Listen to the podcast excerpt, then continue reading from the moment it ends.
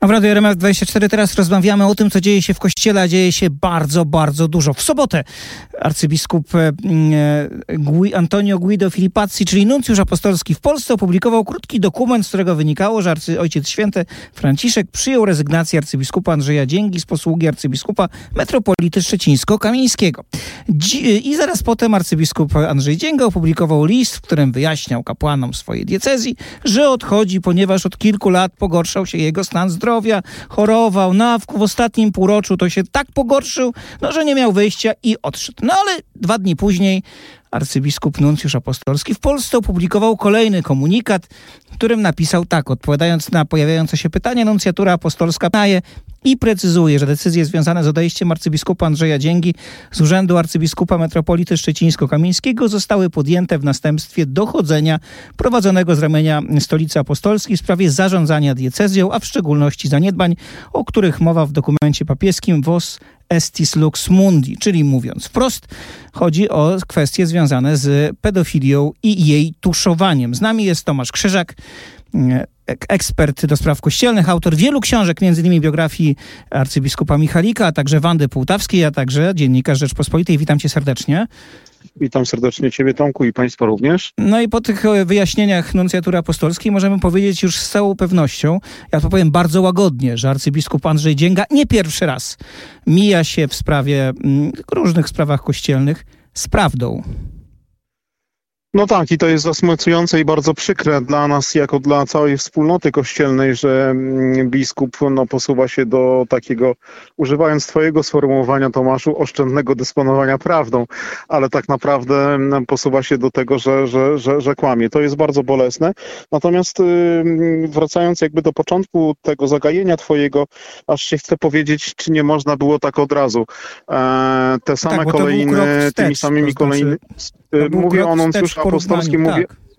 Mówię o nuncjaturze apostolskiej, dlatego że mm, w te same kolejny weszła nuncjatura po raz kolejny, bo to nie jest pierwszy tego typu komunikat, który coś precyzuje i coś dopowiada. E, ja przypomnę tylko, że w odniesieniu do biskupa Kaliskiego mieliśmy podobną sytuację. Mm, podobną sytuację mieliśmy do ustąpienia biskupa Jana Tyrawy z Bydgoszczy. Też były enigmatyczne komunikaty, że odchodzi, a wszyscy wiedzieliśmy do, doskonale, że toczyły się postępowania wyjaśniające. No i oczekiwaliśmy tego postawienia po prostu zwyczajnie kropki nad i, powiedzenia e, tak, e, to się stało właśnie w związku z tym, że zostały jakieś zarzuty potwierdzone mm, i, i, i dlatego biskup odchodzi. Tylko, że tym razem jest troszeczkę inaczej. Po pierwsze, dlatego, że bardzo mocno zareagowały na ten brak komunikacji media, po drugie, dlatego, i to jest być może jeszcze bardziej szokujące, bo media to reagują od dawna, że bardzo mocno zareagowało na te słowa czterech no, można powiedzieć, że to niewielka grupa, ale jednak czterech polskich biskupów, sami pomocniczy, ale warto przytoczyć słowa pierwszego z nich, to jest Artur Ważny, e, biskup pomocniczy Tarnowski, który napisał tak, brak mi słów, pomieszane ze sobą gniew, złość i wstyd, brak zgody. Modlę się, jeszcze raz prezentuję talerz skrzywdzonych, tym razem publicznie, solidaryzuję się z osobami skrzywdzonymi w kościele, znów niewidzianymi, dokrzywdzonymi, modlę się za was i przepraszam. A biskup Grzegorz Suchodolski, jest e, biskup pomocniczy Siedlecki, napisał być może jeszcze istotniejsze słowa, bo one pokazują, o co w tym milczeniu niestety chodzi, bo on mówi od siebie, dodam tylko, że są wybory moralne, ważniejsze niż wybory nawet najważniejszego prezydium. Jest kapitał duchowy Kościoła ważniejszy o wiele niż stary lub nowy fundusz kościelny. Jest prawda formująca zwłaszcza młode pokolenie bardziej niż jedna lub dwie godziny katechezy w tygodniu. Ja mówię o tym pierwszym zdaniu, czyli o e, prezydium. No i niebawem mamy wybory do prezydium. Najpierw przewodniczącego no. Konferencji Episkopatu Polski, a potem także sekretarza. I jak rozumiem, do tego pije ksiądz biskup. No to na 100% do tego pije, dlatego że to spotkanie biskupów jest już za dwa tygodnie, 13-14 marca, więc e, na pewno ta sprawa będzie tam bardzo mocno stawiana i bardzo mocno e, rozważana. E, z moich informacji wynika, że tym razem w ogóle wybory przewodniczącego konferencji Episkopatu Polski będą przebiegały y, troszeczkę odmiennie od tego, co znaliśmy z historii y, poprzednich wyborów, mianowicie, że głosowanie nie odbędzie się pierwszego dnia, tak jak to zazwyczaj bywało, tylko drugiego, że biskupi chcą mieć czas do tego, ażeby pomyśleć, przedyskutować pewne sprawy, w ogóle się chyba pospierać wewnętrznie.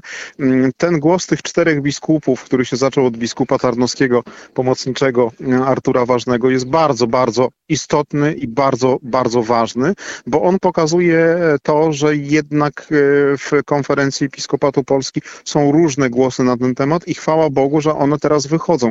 Ale znowu powiem, to nie jest też pierwszy raz, bo pamiętam w 2019 roku, kiedy dyskutowano po raz pierwszy mm, e, kwestię opublikowania jakiegoś raportu, to, to po niektórzy biskupi zrobili takie raporty w odniesieniu do swoich diecezji i niejako wychodząc przed szereg je opublikowali. To też wydawało się wtedy wyłomem. E, okazało się, że nie miało to żadnego przełożenia na całą konferencję Episkopatu Polski, że tak naprawdę dopiero ubiegłoroczna awantura wokół postaci Jana Pawła II spowodowała to, że wzięto się tam gdzieś do jakiejś pracy. No ale rok mija i niby jakieś prace koncepcyjne dotyczące powołania jakiejś komisji historycznej trwają, ale kiedy się zakończą, nie wiemy. Więc ja myślę, że teraz to najbliższe spotkanie e, biskupów jest ważne chociażby z tego mm, powodu, ażeby rozliczyć się z tamtymi sprawami e, starymi. E, no i oczywiście ono jest ważne ze względu na te kwestie, które podniósł mm, biskup Suchodolski, mm, czyli zmienia, zmieniona tak na dobrą sprawę całkowicie sytuacja społeczno-polityczna w naszym kraju. Myślę tutaj głównie o, o, o, rządzących. No i o tym, że te tematy funduszu kościelnego po, powrócą, powracają, że tematy lekcji religii powraca. No słusznie zauważa, że są sprawy ważne i ważniejsze. Także dodajmy jeszcze jedną rzecz. Powiedziałeś o tym, że to za dwa tygodnie. Nie ma mowy, żeby te wybory, o które się za chwilę odbędą, czyli nowego przewodniczącego Konferencji Episkopatu Polski, nie odbyły się w cieniu tej decyzji, a być może kolejnej, bo ja przypomnę, o tym jeszcze nie powiedzieliśmy, że arcy, sprawa arcybiskupa Dzięgi toczyła się obok drugiej sprawy, wiele lat się toczącej, innego prawnika kanonicznego, czyli biskupa Dziuby, który no, też prawdopodobnie tak, takie, powiedziałbym, plotki chodzą, czy tak e, słuchy chodzą w kościele, to zresztą opisałeś. No też to przyznam szczerze, chwilę... że tak, to, te informacje są rzeczywiście w środowiskach kościelnych i myślę, że mm, moi informatorzy, którzy mnie informowali na ten temat, akurat w odniesieniu do arcybiskupa Dzięki się nie pomylili, bo mówili mi wprost, to się rozstrzygnie przed kepem. Na 100% się rozstrzygnie przed kepem. No i rzeczywiście tak się stało, rozstrzygnęło się. Mm, natomiast rzeczywiście tutaj w tych dwóch sprawach e, możemy mówić, patrząc na procedury watykańskie, nawet o pewnej przewlekłości tego postępowania. To były różne przyczyny, tak na dobrą sprawę, bo chciałbym przypomnieć ten dokument, o którym nuncjatura wspomina, czyli Vos Estis Lux Mundi. To był taki dokument, który był pokłosiem watykańskiego spotkania mm, przewodniczących episkopatów e, z całego świata z papieżem Franciszkiem w lutym 2019 roku. I papież wtedy wprowadził właśnie te, te procedury związane z wyjaśnianiem tychże spraw, ale on je wprowadził ad experimentum na trzy lata. Więc ten dokument, który wszedł w życie w czerwcu roku 2019, de facto wygasł w 2022 roku. Myśmy przez kilka miesięcy do kwietnia, do 1 kwietnia 2023 mieli dziury w tych procedurach. I sądzę, że ci dwaj hierarchowie, o których teraz rozmawiamy, dokładnie z tej dziury w tych przepisach, tej luki w tych przepisach po prostu korzystali, przeciągając w, maksymalnie w nieskończoność. Na szczęście zakończyło się tak, jak się powinno zakończyć przypadku jednego, ale w przypadku drugiego jeszcze cały czas czekam na tą informację. Jeśli ona się rzeczywiście pojawi w ciągu tych dwóch tygodni, no to to jest bardzo mocny sygnał dla konferencji episkopatu, połączony z tymi czterema biskupami, bo to nie jest zaskoczenie, że niektórzy biskupi w Polsce, o tym wielokrotnie i ty pisałeś, ja mówiłem, czy pisałem, zachowują się różnie w tych sprawach. Natomiast chyba po raz Zachowują się różnie, to prawda, natomiast... Publiczna natomiast dyskusja, tutaj... w której ktoś publicznie powiedział inaczej niż milcząca reszta. Tak, natomiast tutaj też trzeba zauważyć, że no akurat tak się złożyło, że w ciągu tego dzisiejszego dnia rozmawiałem z kilkoma biskupami, ordynariuszami i podpytywałem, czy oni zabiorą głos, czy nie zabiorą tego głosu.